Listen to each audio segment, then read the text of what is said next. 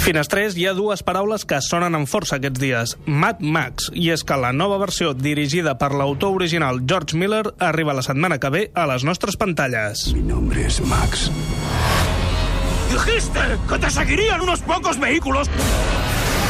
¡Hemos contado tres unidades de combate! ¿Qué le vamos a hacer? En mi mundo solo existe un instinto.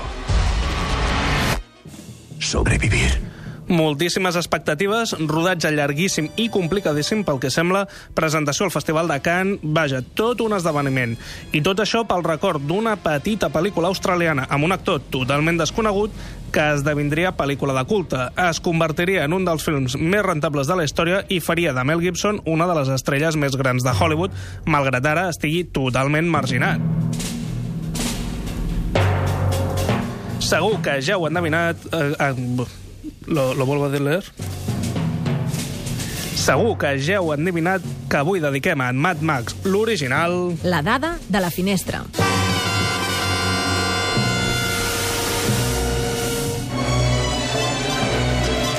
El que parlàvem va costar 650.000 dòlars i va recaptar més de 100 milions a nivell mundial. Gairebé totes les anècdotes tenen a veure amb els límits que establia el pressupost. Ja us aviso.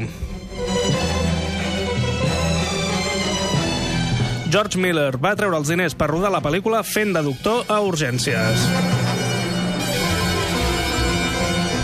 Les limitacions de pressupost feien que els cotxes fossin repintats i reutilitzats a escenes posteriors. Moltes vegades la pintura encara estava humida.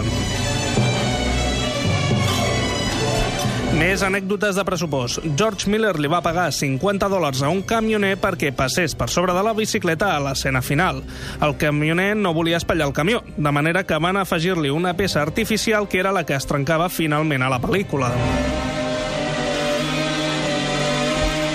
Com a actor totalment desconegut als Estats Units en aquell moment, els primers tràilers promocionals del film ignoraven totalment la figura de Mel Gibson per centrar-se només en els accidents de cotxe.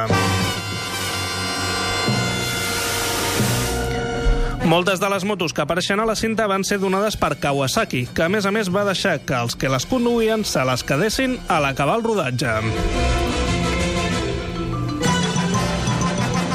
Malgrat la quantitat de persecucions que hi ha a la pel·lícula, van haver de retallar un 20% de les escenes per falta de pressupost. De fet, la furgoneta de la primera escena era del propi George Miller.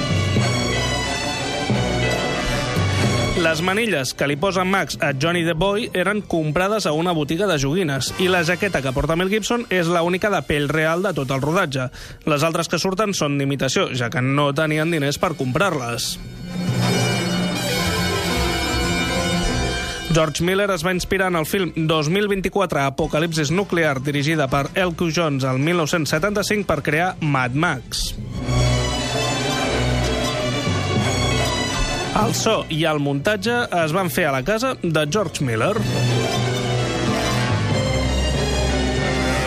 El film va ser doblat als Estats Units, ja que tenien por que l'accent australià fos incomprès en general.